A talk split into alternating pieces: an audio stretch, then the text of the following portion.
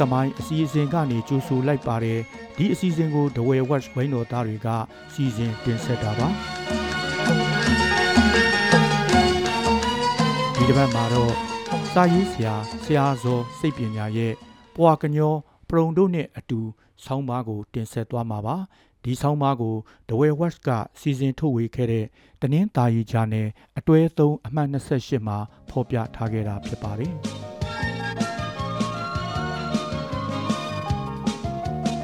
ပွာကညောပရုံတို့နဲ့အတူ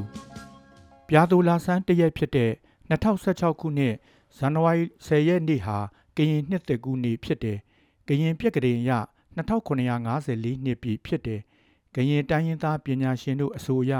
ဒီ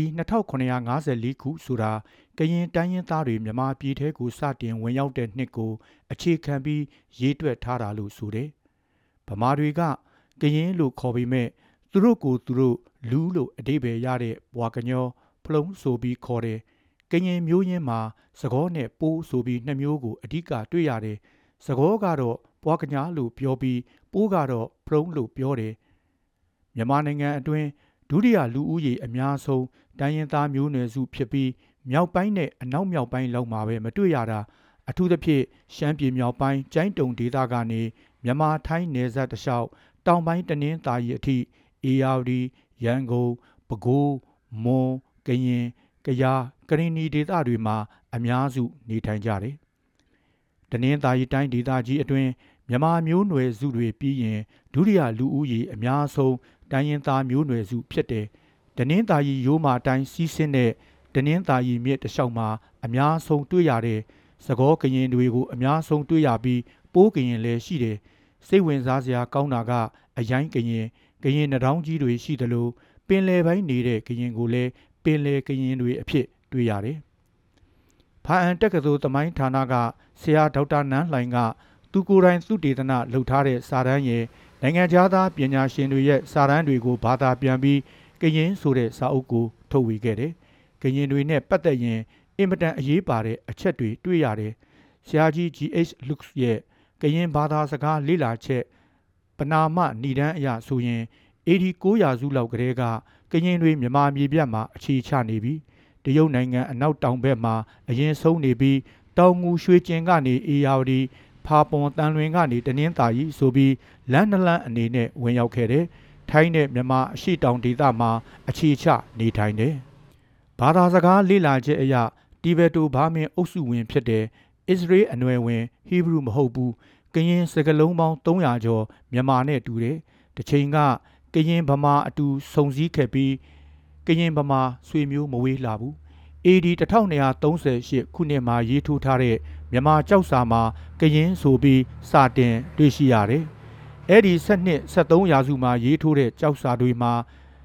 စကြောနဲ့တောင်သူဆိုတဲ့လူမျိုးတွေကို မကြာခဏတွေ့ရတယ်လို့ဆရာကြီးကဆိုတယ်။ ခုအချိန်ကရင်တိုင်းရင်းသားတွေအဓိကသုံးနေတဲ့စာပေကိုနိုင်ငံခြားပညာရှင်တွေကတီထွင်ပေးခဲ့ပေမဲ့အင်မတန်ရှေးကြတဲ့စာပေအရေးသားရှိခဲ့တယ်။ဒီစာပေတွေကိုခလိဘိုးလိဆန်ဝိတ်ဒါမှမဟုတ်ကြက်ရက်စာလို့ဆိုတဲ့ဒီစာပေအရေးသားတွေကိုဖော်ထုတ်နိုင်ခဲ့ရင်ကရင်သမိုင်းတာမကမြမသမိုင်းအတွက်ပါအပြောင်းလဲဖြစ်နိုင်တယ်။ ဘာဖြစ်လို့လဲဆိုတော့1823ခုနှစ်အထိကရင်တွေမှာစာပေအရေးသားမရှိဘူးလို့အနောက်တိုင်းသားတွေကဆိုခဲ့တယ်။ဆရာဒေါက်တာနန်းလှိုင်ရဲ့ကရင်ဗမာဆက်ဆံရေးပကံခေတ်မှကုန်းပေါင်ခေတ်အထိသုတေသနစာတမ်းကလည်းဖတ်ရှုလေ့လာတဲ့တဲ့စာတမ်းတစ်စောင်ဖြစ်တယ်။ပါမုခရောဘတ်ရှာမာကရာဇကုံမှာကြောက်စာပါပြူစာမျက်နာကိုလေ့လာပြီးပြူနဲ့ပိုးကရင်တွေဟာဘာသာဗေဒအရအနီးစပ်ဆုံးဆွေမျိုးဖြစ်ကြောင်းဆိုတယ်။ ဒီအဆိုကိုမြန်မာနိုင်ငံသားဖြစ်ပြီးထိုင်းနိုင်ငံမှာနေထိုင်တဲ့ဆရာမီကီဟတ်ကလည်းပြောတယ်။ဆရာဒေါက်တာနန်းလိုင်အဆိုရမြန်မာနိုင်ငံရှိကရင်တို့ရဲ့မူလအစအခြေချရာနေရာဟာကရားစင်းမယ်ဖြစ်တယ်။ဒီလိုပြောရတာကပထဝီအနေအထားစာပေစည်းကြောင်းတမိုင်းဖြစ်စဉ်ဒေသန္တရအမိတွင်ပုံတွေကိုအခြေခံတယ်။ကရင်မျိုးနွယ်စုအချို့အနေနဲ့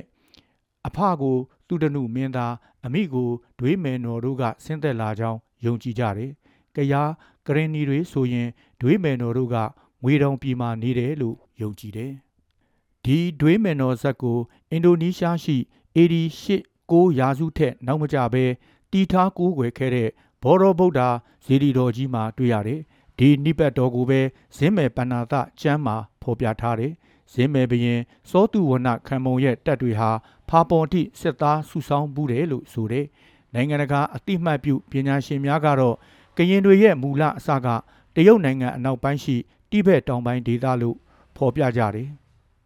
ပြူခေတ်တရေခေတ်တရားကိုငါစကောစစ်တီတွေလာလို့ထိတ်လန့်ပြီးပြက်တယ်လို့ဖော်ပြထားတယ်ဆရာကြီးလူးနဲ့ဆရာကြီးဘူမှုဘရှင်တို့ကသကောကရင်တွေများလားလို့တွေးခဲ့ဘူးတယ်ပကံမင်းဆက်တွေထဲမှာတောင်သူကြီးမင်းလို့ဖော်ပြထားလို့တောင်သူလူမျိုးကရင်လူမျိုးများလားလို့တွေးကြတယ် သကောကရင်တွေလည်းစစ်တယ်တွေအဖြစ်ပကံမင်းလက်ထက်တွေမှာတာဝန်ယူဖူးကြောင်းဆရာဒေါက်တာနန်းလှိုင်ကဆိုတယ်17ရက်စက်တင်ဘာ1639ခုရက်စွဲပါအမိတ်တော်အရပကံခေနရပတိစီသူလက်ထက်1184 1217မှာတောင်ငူဒေသရှိကရင်လူမျိုးများကငွေခွန်များဆက်တခဲ့ကြောင်းဆိုတယ်။အင်းဝခေတ်မြန်မာစာပေတွေမှာစကောတောင်သူတွေကိုဖော်ပြထားသည့်အပြင် လေယာလုပ်ငန်းဖြစ်အသက်မွေးပြီးတောတောင်ထူထပ်တဲ့အရက်ဒေသတွေမှာအခြေချနေထိုင်ကြောင်းဖော်ပြထားတယ်။အင်းဝပြပြီးတောင်ငူမင်းဆက်ဖြစ်တဲ့တပင်ရွှေထီဘရစ်နောင်တို့ခေတ်ဖြစ်တယ်။ဒီခေတ်ဟာအင်မတန်ကြီးကျယ်တယ်။တောင်ငူဒေသဟာကရင်တွေအဓိကနေထိုင်ရာဖြစ်လို့ကရင်တို့ရဲ့အားအများကြီးပါမယ်လို့တွက်တယ်။တောင်ငူမင်းဆက်မှာကရင်ဘ1289ခုကဒီနန်းစံကြောင်းနောက်ထပ်ကရင်ဘ 1325 60ခုခုတူဒီနန်းစူးစံကြောင်းတွေ့ရတယ်။ဘရင်နောင်မင်းတရားကြီးလက်ထက်တိုင်းပြည်ရေးနဲ့စစ်ရေးကိစ္စရှိတိုင်းကရင်တိုင်းရင်သားတို့ရဲ့ကျဲရိုးထိုးဗီဒင်ကိုယုံကြည်စွာလှုပ်ဆောင်လေးရှိကြောင်းဖော်ပြထားတယ်။ဆရာကြီးဒေါက်တာတိုးလှကဘရင်နောင်မင်းတရားကြီးတိတိလင်္ကာဓမ္မပါလာမင်းကိုစစ်ကူပေးပို့တဲ့အခါကရင်လူမျိုး950ခန့်ပါပြီးတန်လွင်မြစ်အနောက်ဘက်စောလုံဒေသခံတွေဖြစ်နိုင်တယ်လို့ဆိုတယ်။ တောင်ငူခေတ်မှာကရင်တွေရဲ့အခန်းကဏ္ဍကအလွန်အရေးပါခဲ့တယ်။နှစ် AP 1640ခုရက်စွဲပါတာလွန်မင်းအမိတ်တော်26မှတ်1988ရက်စွဲပါဘိုးတော်ဖရာအမိတ်တော်တွေအရကရင်တွေဟာအောက်မြန်မာနိုင်ငံတာမကအထက်အညာဒေသကချင်မိုးကောင်းအထိပြန့်နှံ့နေထိုင်ကြောင်းသိရတယ်။ညောင်ရမ်းခေဇပုဒီပဥဆောင်ကျမ်းအရပသိမ်ဒေသမှာကရင်တွေဟာမွန်ရှမ်းတွေနဲ့အတူနေထိုင်နေ 24မေ1624ရက်စွဲပါအမိတ်တော်ရကရင်တန်းရင်သားတွေအင်းဝနေပြည်တော်မှာအမှုထမ်းကြောင်းတွေ့ရတယ်လို့ဒေါက်တာနန်းလှိုင်ကဆိုတယ်။တနင်္ဂနွေမင်း1914 1944လက်ထက်အခွန်တော်စရင်1924ခုအရကရင်မှု112ဦးရှိပြီးတောင်ငူမြို့ဝန်ရဲ့အုပ်ချုပ်မှုအောက်မှာရှိခဲ့တယ်။ဒါကြောင့်နိုင်ငံသားအချို့ရေးသားထားတဲ့ကရင်တွေဟာ မြန်မာမင်းရဲ့နိုင်ငံရေးအဖွဲ့အစည်းမှာဘယ်တော့မှမပါခဲ့ဘူးဆိုတာကိုလိုနီလေတံပါလာတယ်လို့ဒေါက်တာနန်းလှိုင်ကဆိုတယ်။ကုန်းပေါင်ခေတ်19ဇန်နဝါရီ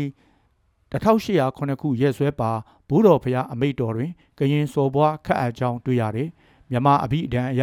ကရင်အကြီးကဲကိုစော်ကဲကော်ကြောင်းတွေ့ရတယ်။ဘိုးတော်ဖရာလက်ထက်1819မှာကရင်တိုင်းရင်းသားတို့နေထိုင်ရာဒေသကို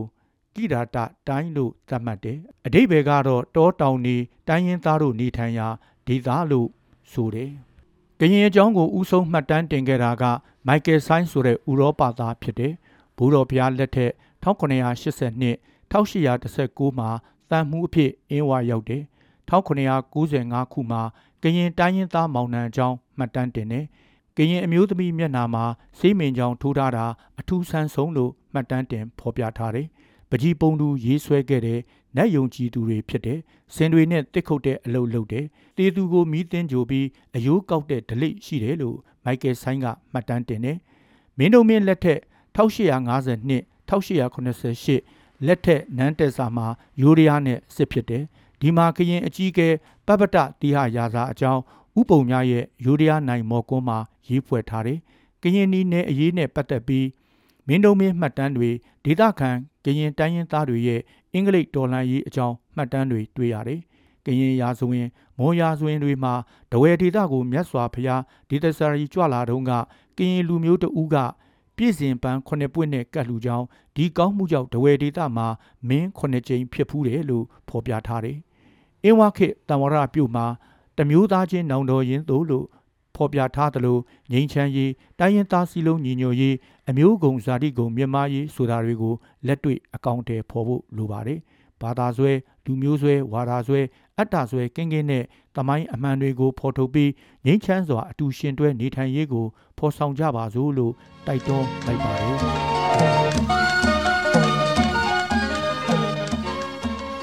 အခုတင်ဆက်ခဲ့တဲ့ဆောင်းပါးကတော့ဆရာဇော်စိတ်ပညာရဲ့ ပွာကညောပရုံတို့နဲ့အတူဆောင်းပါးဖြစ်ပါတယ်။နားဆင်ပြီးခဲ့တဲ့အတွက်ကျေးဇူးအထူးတင်ရှိပါတယ်ခင်ဗျာ။